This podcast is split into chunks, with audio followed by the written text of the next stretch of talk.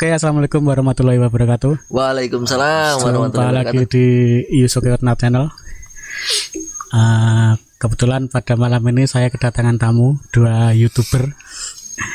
Semoga silakan diperkenalkan dulu mas Oke, saya Kang Ardi dari dari Sobat Kang Ardi.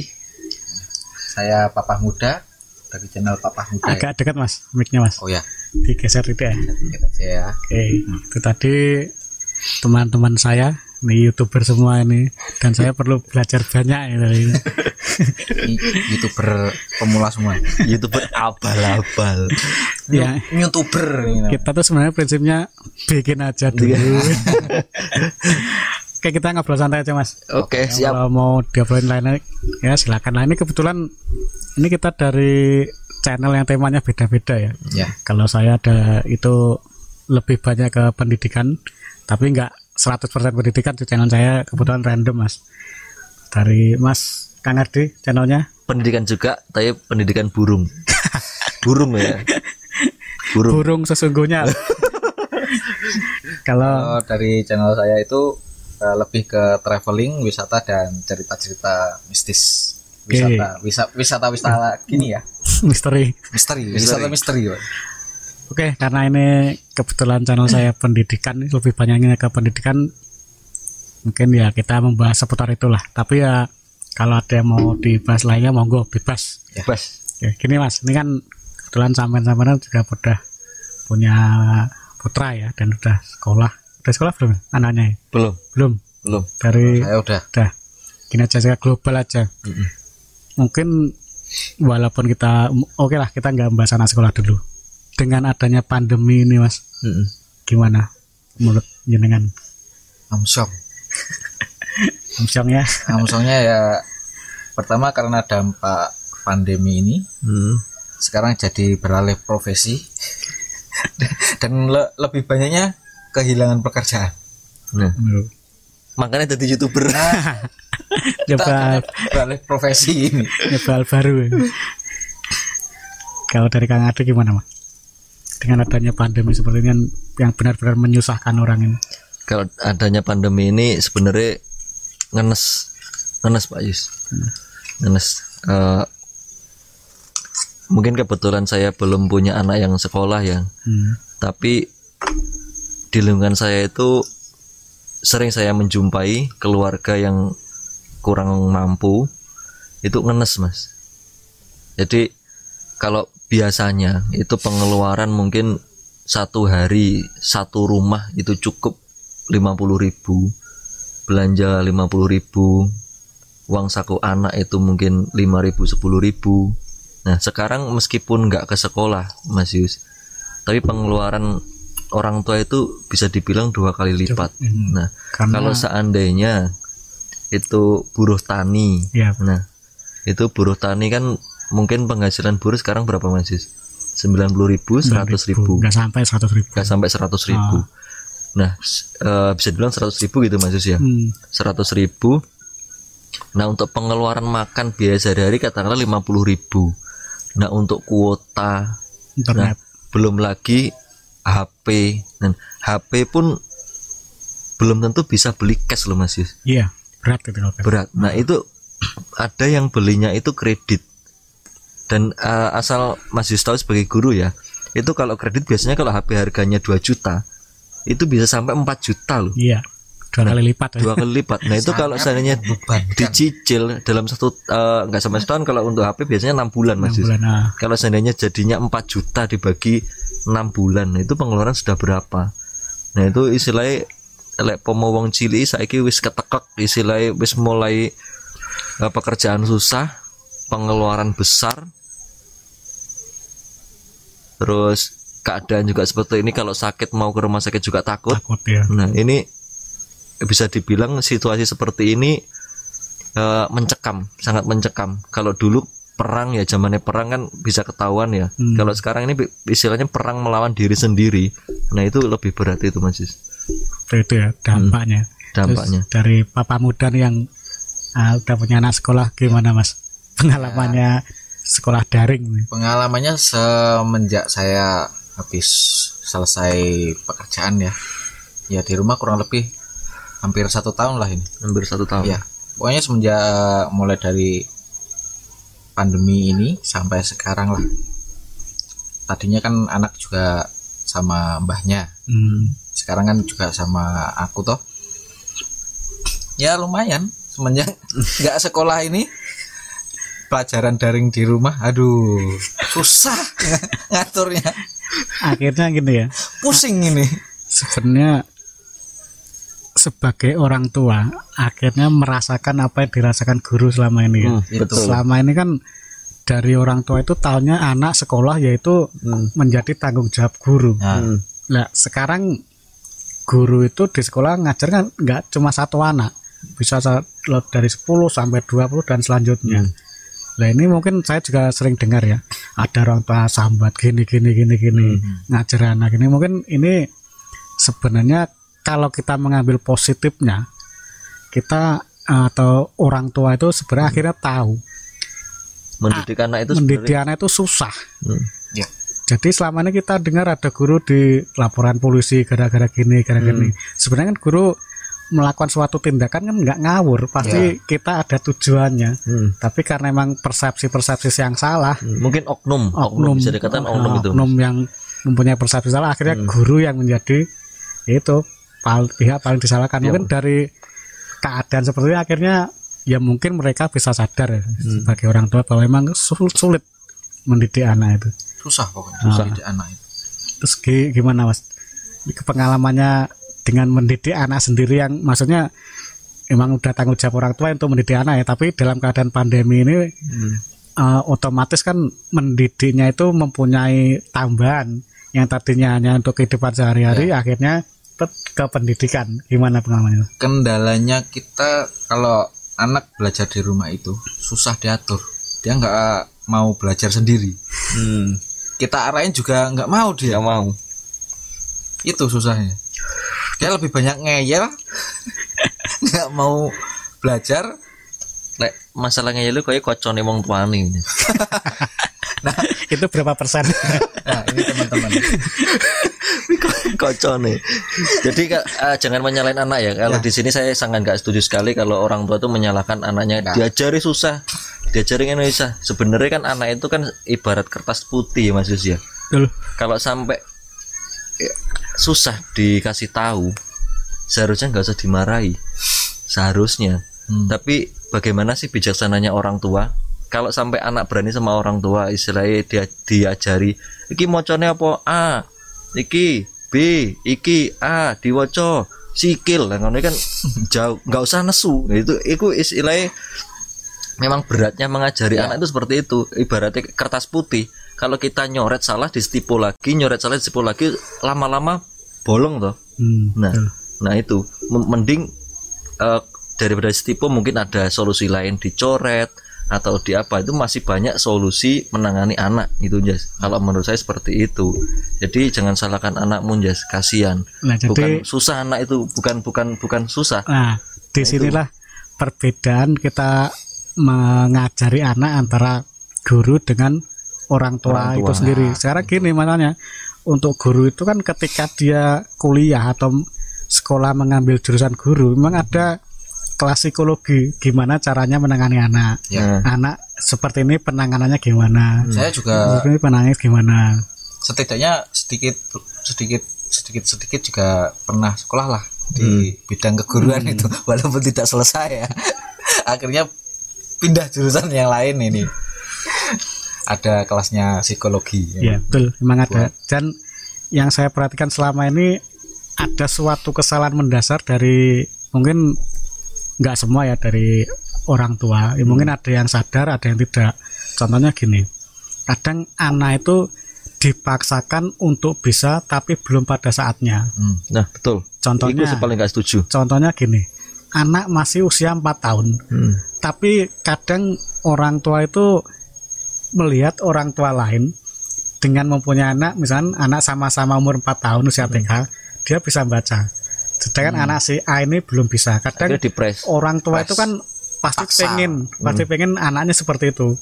Nah, kadang kesalahannya tuh di situ. Nah, kadang kadang-kadang kan eh, anak itu harusnya belajarnya membaca itu antara ibu. Nah, belum ada mati-matian belum kayak ah. makan itu kan belum seharusnya tapi udah dipaksa buat belajar yang kadang seperti memang itu. kesalahannya yang saya Kesalahannya. perhatikan seperti itu. Jadi anak itu dipaksa pa- padahal itu belum waktunya. Untuk anak usia dini misalnya 4 tahun usia TK lah. Hmm. biarkan dia itu belajar dengan kemampuannya pada saat itu. Toh dipaksakan juga nggak bisa, bisa, sulit. kayak kalaupun bisa akhirnya Tertekan. anak tertekan. stres. Akhirnya nggak mau sekolah. Con- contoh-contoh seperti itu banyak sebenarnya. Kadang orang tua itu hanya karena melihat anak orang lain bisa Hmm. anaknya belum bisa akhirnya dipaksakan. Banyak biasanya kejadian anu, seperti itu. orang tua itu kan ngejar gengsi ya Nyesel. ya? Betul. Ngejar gengsi. Nah Hmm. akhirnya ya tumbale anak. Anak. Hmm. nah padahal anak digawe susah loh. Aja di pulau Sorom sak nih. Dan dalam ini pengen ngopen ini sing angel.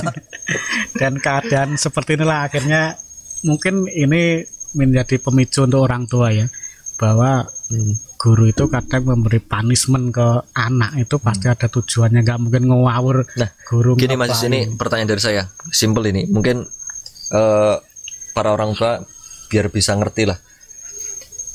Usia anak untuk pembelajaran itu kan pasti ada jenjangnya. Iya. Nah misalnya oh ini waktunya anak ini umur sekian ini waktunya memang bermain. Ya Hmm.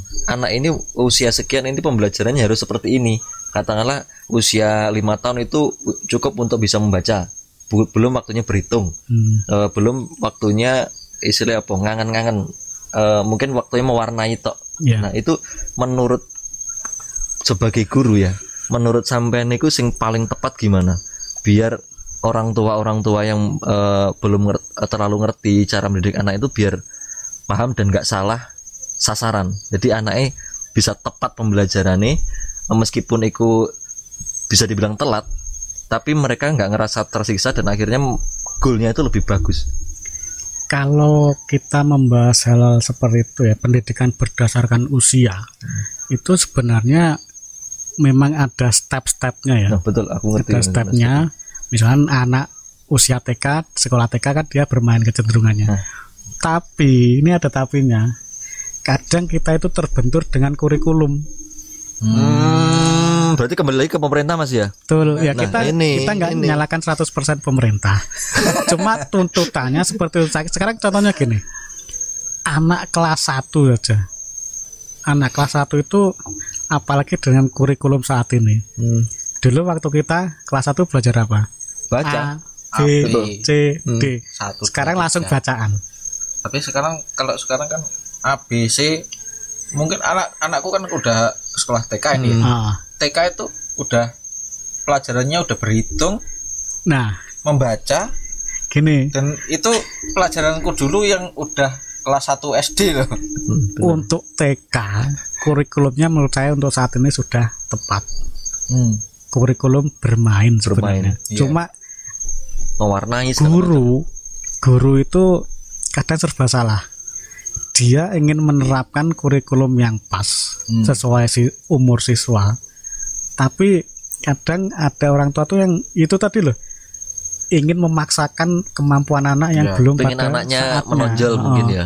akhirnya ya itu dipaksakan sebenarnya kalau untuk TK menurut saya kurikulumnya sudah tepat tapi untuk yang SD Hmm. kebetulan saya di Kecimudi SD itu memang dibandingkan dengan waktu kita dulu Hmm. itu memang berat kurikulumnya kita dituntut untuk pelajaran harus cepat kita dikasih waktu sekian sekian sekian sekian Hmm. uh, us- ujian padahal kalau menurut saya itu waktu itu kurang Hmm. apalagi dengan kurikulum baru atau kurikulum 13 sekarang ini itu Hmm. memang nggak hanya siswa yang kesulitan guru itu pun banyak kesulitan Banyak kesulitan. apalagi mungkin untuk sekolahan yang sarana prasarannya lengkap itu nggak jadi masalah tapi yang sarprasnya masih kurang, Kurang. memadai itu memang agak sulit untuk menerapkan seperti itu jadi kalau ditanyakan seharusnya gimana ya itu tadi ya kita lihat siswanya seperti apa Hmm. kemampuannya itu seberapa kemampuan siswa itu Hmm. ya kita akhirnya mengikuti itu walaupun kadang kita juga memaksakan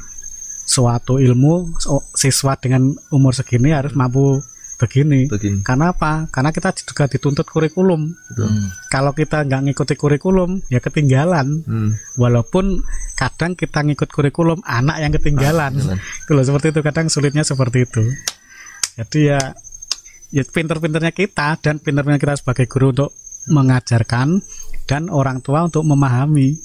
Lek, Jadi gini gitu. Mas Yus, apa nggak ada terobosan ya? Eh, saya kan sering ngelihat YouTube ya, Hmm. YouTube, Instagram, Facebook. Nah itu ada orang tua itu mengajari anaknya itu istilah keras sampai dijeguk-jeguk nih.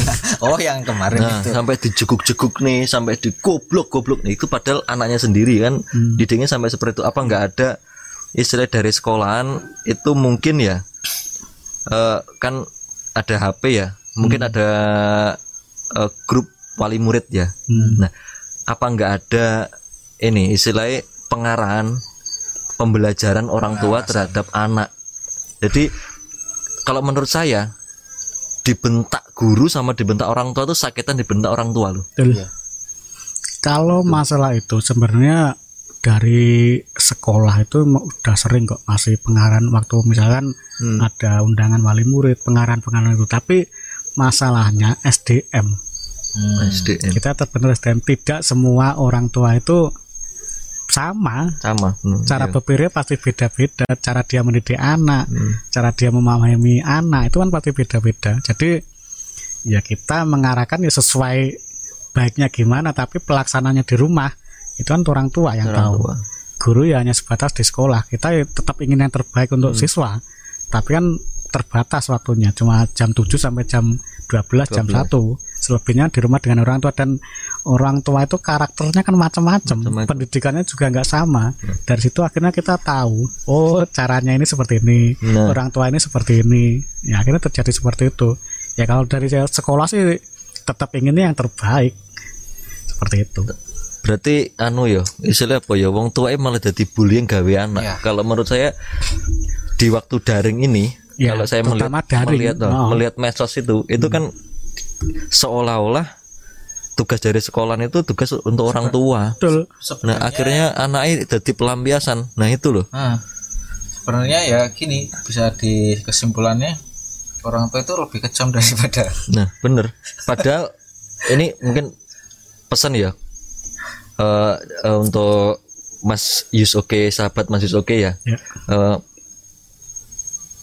ya saya harap selaku eh, mas-mas atau mbak-mbak sebagai orang tua janganlah keras sama anak. Karena itu apa ya nyentok. Itu sama kayak dibully. Kalau dibully temen itu masih bisa lupa. Tapi kalau dibully sama orang tua itu biasanya susah lupa. Meskipun orang tua itu berperan besar untuk anak tapi anak itu jangget. Nah itu bully kalau menurut em, bukan menurut saya ya saya ngelihat psikologi itu bully yang paling besar itu sebenarnya berasal bu- bukan berasal dari orang lain tapi berasal dari orang tua sendiri. Nah itu nanti yang memunculkan enten aku gede. Nah pernah nah. ini ini ini sedikit cerita Isabella Anak Gusman kemarin. gitu. Iya. Eh, Isabella Gusman kemarin kan sampai membunuh ibunya sampai 113 tusukan. Nah itu. Dan itu akib efek dari apa? Itu saya yakin kayak kalau saya melihat dari beritanya itu bukan murni kesalahan si dia si anak itu. Tapi karena dendamnya si anak mulai dari kecil ternyata pendidikannya cara mendidiknya keras. Sering dibentak sering di akhirnya timbul kekecewaan yang sudah berlarut-larut lama. Akhirnya nggak ah, si anak psikologisnya nggak kuat meledak ibunya dibunuh. Nah itu. Itu mudah-mudahan tidak terjadi di Indonesia. Jadi gini, untuk masalah orang tua dengan anak ya, kalau menurut saya kita eh, melihat di medsos selama ini ya, yang kita tahu itu sebenarnya kita kadang saya pikirnya gini, kita nggak bisa nyalahkan 100% orang tua untuk menjadi seperti itu. Hmm. Karena apa? Pasti orang tua seperti itu ada beberapa kemungkinan. Pertama mungkin memang karakternya seperti itu karakter sekatakan keadaan yang orang tua. Kedua, dalam keadaan seperti ini banyak orang tua frustasi. Hmm. Udah ngurusi anak, mendidik anak, ngajari anak, terus terutama ekonomi. ekonomi Nah, itu akhirnya ya memang ekonomi. kebanyakan terjadi seperti itu. Akhirnya apa ya? Ya Kok- kebijaksanaan bisa Iya. ya orang sebagai orang tua harus bijaksana. Harusnya seperti itu. Teknisnya itu seperti itu. Cuma kadang kita membuat kebijakan Prakteknya itu yang itu loh. apalagi keadaan pandemi seperti ini apa apa serba sulit. Akhirnya kan banyak orang frustasi dengan keadaan seperti ini gitu loh. Tadinya planningnya A berubah jadi C. Betul. Jadi kadang ya orang tua salah itu ya mungkin ya memang salah tapi ya Nah. karena keadaan seperti ini akhirnya kalau menurut- menjadikan seperti itu. menurut saya gini mungkin kalau sampai terjadi seperti itu ya Hmm, seorang tua itu kan memang berat berat pasti. memang berat, pasti nah. berat. tapi kalau seandainya orang tua tahu istilahnya tahu efeknya bagaimana sih ke anak kalau sampai saya membentak anak. Nah itu kan kalau tahu saya yakin nggak mungkin dia sampai membentak anak. Nah itu. Tapi rata-rata kan nggak ada pengajaran seperti itu. Kan nggak ada tuh sampai sekarang ini di Indonesia kurikulum orang tua bagaimana mengajari anaknya belum ada. Nah, ini kalau ini. ada cocok ini. sebenarnya eh, untuk kurikulum 2013 Hmm. itu ada. Yaitu anak kerjasama dengan orang tua untuk menyelesaikan masalah. Nah itu buku. cocok itu itu sebenarnya ada. Cuma yang saya perhatikan itu nggak jalan. Karena apa? Mindsetnya orang tua selama ini ketika anak sekolah yaitu tanggung jawabnya guru. Lah mindsetnya itu. mindsetnya seperti itu, Itu. kalau dia sekolah udah selain iya. Itu. nah ketika keadaan seperti ini akhirnya orang tua dipaksa untuk menjadi guru kaget. Kaget dan tidak semua itu SDM-nya sama. Ada yang tinggi, ada yang ya mohon maaf rendah. Itu kan akhirnya cara penanganannya juga beda gitu loh. Seperti itu kejadiannya kebanyakan seperti itu. Akhirnya kayak di medsos aku saiki wong tuane sing sekolah anaknya nggak nyapa-nyapa gini gini gini itu ya ya efeknya memang seperti itu ke- keadaannya karena dengan SDM yang beda-beda akhirnya terjadilah seperti itu mungkin itu tidak semua ada yang bijak menyikapi nah dan akhirnya dia karena dia memang care ke pendidikan anaknya dia rela meluangkan waktu untuk anaknya Ya, tapi itu tadi kita terbentur di SDM. Tidak SDM. semua mempunyai pemikiran yang sama dengan hal seperti itu. Nah, Jadinya itu. seperti itu. Ya, ada yang mau bahas apa lagi nih kira-kira? Mungkin kita sekitar kira-kira lah Hmm. seharian aja. saya seru banget nih kalau masalah-masalah pendidikan anak soalnya kan Pendidikan anak itu sebenarnya kalau kita mau bahas Hmm. banyak sekali Banyak masalah sekali. pendidikan itu. Tapi mungkin ya kita tahunya yang viral. nah Padahal kalau kita mendalami lagi contohnya di sekolah banyak sekali. Banyak sekali. Dan itu memang yang nah salahnya yang muncul yang viral itu dari sisi negatifnya. Pasti sisi negatif. Seperti itu akhirnya tetap sekolah tetap guru yang menjadi kambing hitam. Hmm. Ya enggak semua seperti itu sih. Banyak yang bagus tapi ya kadang yang muncul itu yang viral itu yang negatif, Negatif. akhirnya ya gitu. Kadang tuh orang tapi kan Indonesia itu nggak negatif nggak viral mas. Betul. Orang yang viral yang negatif negatif sekarang. Tapi positif nggak mungkin viral mas. Oh, lihatlah kecenderungannya orang Indonesia seperti itu. orang Indonesia. Dia senang dengan halal viral tapi unfaedah unfaedah bener unfaedah karena gini kalau saya itu wajar ya karena di kehidupan di kita di Indonesia itu beban hidup itu sangat berat. Jadi kadang orang itu Lek dibanding memilih luar negeri yang jauh. Ya. ringan-ringan aja untuk karena dia hidup sudah berat. Akhirnya dia ingin mencari hiburan yang entahlah itu mau negatif atau positif ya bodo amat lah. Yang penting bisa melupakan sekejap soalnya Indonesia Indonesia itu dibilang masyarakatnya luar biasa mas. Iya. Soalnya Indonesia itu sebenarnya tanpa pemerintahan bisa jalan. Bisa. Kenapa? Orang Indonesia itu mencari makan sendiri, mencari pekerjaan sendiri, hidup sendiri.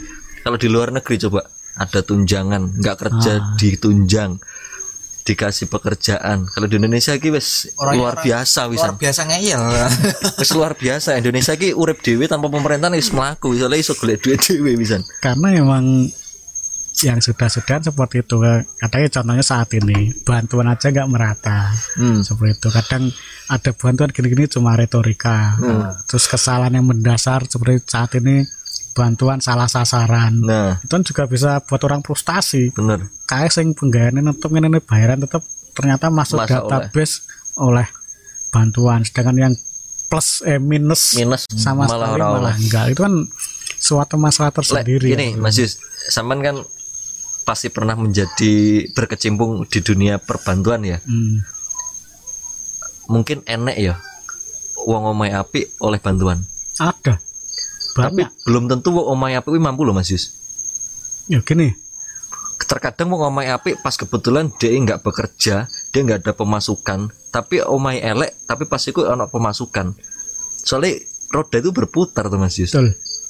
Nah terkadang kan lek aku sing eh ndelok sing saiki ya hmm, eh, kan ono sing sampai di plang-plang ya. Nah kebetulan aku tahu sendiri itu memang keadaan kondisinya orangnya minus hmm, tapi memang rumahnya bagus. Warisan Mas Yus. Warisan dari bapak ibunya. Dan dia buruh buruh tani. Buruh tani pun kadang enak kadang enggak. Dan dia dapat malah dicaci maki karena sebelah kalau menurut saya orang desa wis bener. Tapi terkadang malah disalahkan. Nah itu. Karena kondisinya dia secara penampakan itu bagus. Itu ya mas Yus? itu kita kembali ke mindset ya. Nah. mindsetnya orang masing-masing. Sekarang ya memang ada roda itu berputar yang tadinya di bawah sekarang di Di atas, atas. dan itu nggak nampak sebenarnya. Tapi itu tadi mindset kita itu orang miskin dan orang kaya ya dalam tanda kutip itu kita hanya melihat dari luarnya. Nah. Dia rumahnya bagus tapi nggak kerja itu ada. Cuma yang jadi masalah itu ketika terjadi pendataan di statistiknya itu. Hmm, itu sebenarnya untuk seperti saya saat ini ya kebetulan saya RT di sini. Hmm, itu saya juga sebenarnya repot. Jujur repot saya di sini. Di satu sisi ada orang yang ngepush saya untuk bantuan bantuan bantuan. Hmm. tapi kan saya nggak punya wewenang untuk benar. si A si B dapat bantuan kita hanya mengajukan. Seperti itu. Itu di lingkungan rumah. Sekarang di lingkungan sekolah. Di sekolah itu adanya ada yang namanya PIP program Indonesia Pintar. Itu yang pasti mendapatkan itu dia yang punya kartu PKH program keluarga harapan. Sekolah itu tidak berhak menentukan dia dapat atau tidak tapi hanya menginput data yang berhak mendapat. Data itu dari mana? Data itu dari desa. Kadang saya kebetulan saya juga yang ngurusi masalah itu Hmm. ketika PIP itu cair saya itu pasti beban. Karena apa? Si ini kok dapat si ini Ini enggak. enggak. padahal dia mampu dia enggak yang enggak mampu enggak dapat yang mampu dapat. Itu masalahnya sebenarnya itu bukan wewenang sekolah. Sekolah itu hanya memasukkan data jadi dia hanya sebagai perantara sekolah itu. Tapi namanya ke- kita kembali ke mindset itu tadi.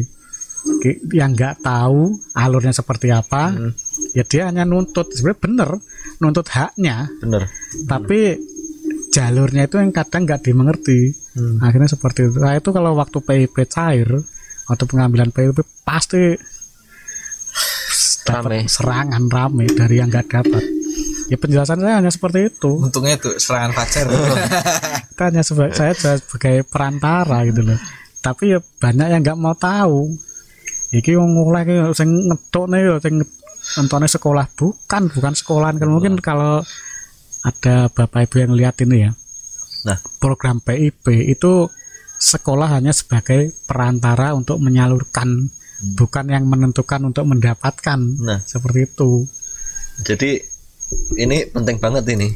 Mungkin bisa diulang Mas Yus, lebih ditekankan lagi Mas Yus. Jadi biar nggak ada protes nanti ke depannya. Mudah-mudahan tetangga-tetangga sebelah mungkin ini wilayah Desa Pager Gunung ini mudah-mudahan nonton semua. Jadi biar biar ngerti dan nggak protes lagi Mas Yus. Ya, jadi gini, untuk masalah bantuan, apalagi dalam keadaan pandemi seperti ini, kita dari pejabat pemerintah yang terkecil, kita hanya punya hak atau wewenang untuk mengajukan. Tapi men- yang menentukan siapa yang dapat, siapa yang tidak dapat itu tetap pejabat di atas kita. Hmm. Karena kita hanya diberi data, ngisi data, kita mengusulkan, tapi kita tidak berhak menentukan siapa yang dapat atau tidak putusannya ada di atasnya tetap di atas kita. Akhirnya di bawah nanti ketika ada bantuan cair, ya sebenarnya kembali ke kita lagi kita yang kena bully. itu nggak hanya di lingkungan awu banget lingkungan RT atau Kena desa itu nih. di sekolah seperti itu sama saja. Karena apa sih? Itu semua berhubungan dengan perut. Nah, Kalau dengan perut itu susah. Kita bisa cakar-cakaran sama teman gara-gara Hmm. urusan perut seperti itu. padahal belum tentu perut. Biasanya mengharapkan mengharapkan bantuan gituku klambi. Dan ada satu lagi gini. Saya yang sebenarnya ini cuma pemikiran saya saya keluarkan di sini. Hmm.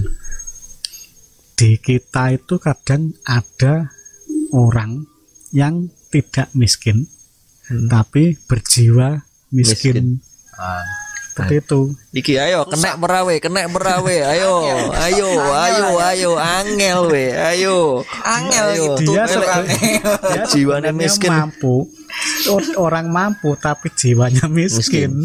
Ya mau berapapun dia punya ya tetap kurang gitu loh. Hmm. sangel. Memang itu wajib dikasih anu Mas, dikasih bantuan itu. bantuan psikologis.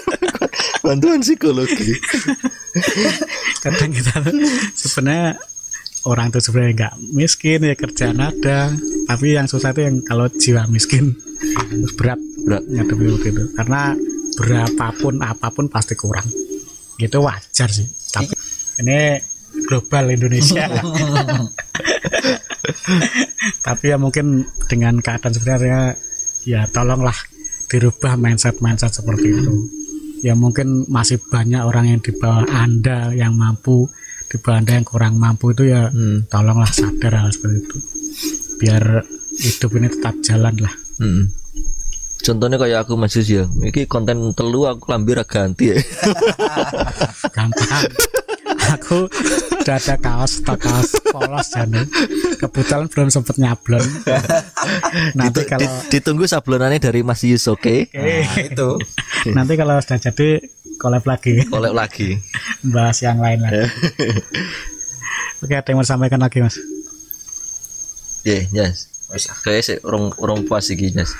ya Masalah. mungkin nggak hanya masalah pendidikan ya mungkin hal umum aja nggak kita nggak perlu harus pendidikan pendidikan itu penting tapi dalam hidup kan ya nggak hanya sebatas pendidikan ya memang saya berkecimpung di situ tapi kan nggak nggak setiap hari harus 100% di situ nih enggak Oke itu tadi teman-teman eh, pembahasan ya obrolan santai lah di sini mudah-mudahan pendidikan ya.